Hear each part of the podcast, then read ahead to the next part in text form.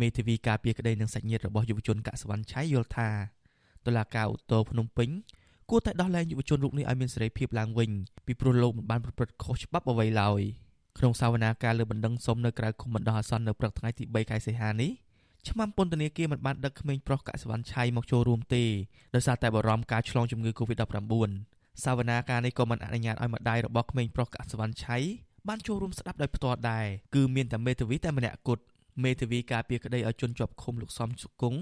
ឲ្យដឹងនៅថ្ងៃទី3ខែសីហាថា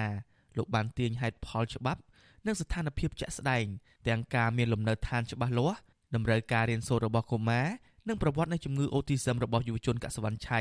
ដើម្បីស្នើសុំឲ្យមានការដោះលែងកូនក្តីប៉ុន្តែប្រធានក្រុមប្រឹក្សាជំនុំជម្រះគឺលោកដុចសុកសារិនមិនយល់ព្រមហើយសម្រេចបន្តឃុំខ្លួនកូនក្តីដដែល ដោយលើកហេតុផលថាខ្លាចយុវជនកសវណ្ណឆៃប្រព្រឹត្តបទល្មើសផ្សេងទៀតនៅពេលដែលនៅក្រៅឃុំលោកមេធាវីយល់ថាការសម្រេចនេះមិនផ្ដល់យុត្តិធម៌សម្រាប់កូនក្តីរបស់លោកនោះទេខ្ញុំយល់ថាហេតុផលនេះមិនទាន់មានលក្ខណៈតាមហេតុផលទេហើយការពិភាក្សាជាមួយម្ដាយរបស់កុមារាកសវណ្ណឆៃហ្នឹងគឺម្ដាយកុមារាហ្នឹងគាត់យល់ឃើញថាសារដីកាហ្នឹងមិនទាន់បានផ្ដល់ពីវិធ័យគាត់ទេហើយគាត់ណាសូមឲ្យមេធាវីការពីឲ្យកូនគាត់ហ្នឹងរៀបចំមិនដឹងសារទុកចំណែកម្ដាយរបស់យុវជនកសវណ្ណឆៃគឺលោកស្រីព្រំចន្ទថា ដែលរងចាំស្ដាប់លទ្ធផលសវនាការពីមេធាវីនៅក្រៅសាលាឧទ្ធរភ្នំពេញ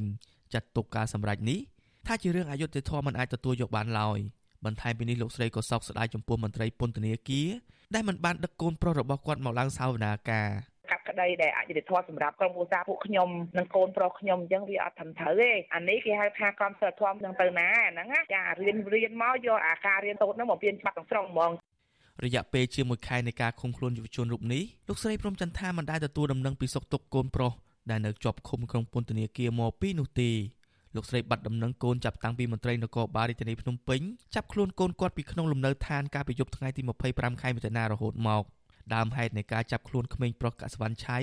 គឺនគរបាលចោទយុវជនរូបនេះថាញុះញង់នឹងជេរប្រមាថរដ្ឋាភិបាលក្នុងក្រុមជជែកគ្នាមួយនៃបណ្ដាញសង្គម Telegram លោកស្រីព្រំចន្ទថាអះអាងថាកូនរបស់លោកស្រី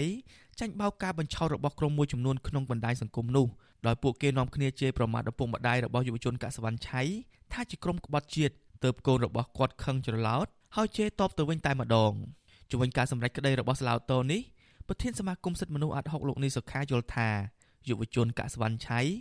មិនមានលទ្ធភាពប្រព្រឹត្តបទល្មើសណាមួយដែលបង្កឲ្យកើតមានភាពវឹកវរធ្ងន់ធ្ងរដល់សន្តិសុខសង្គមនោះទេ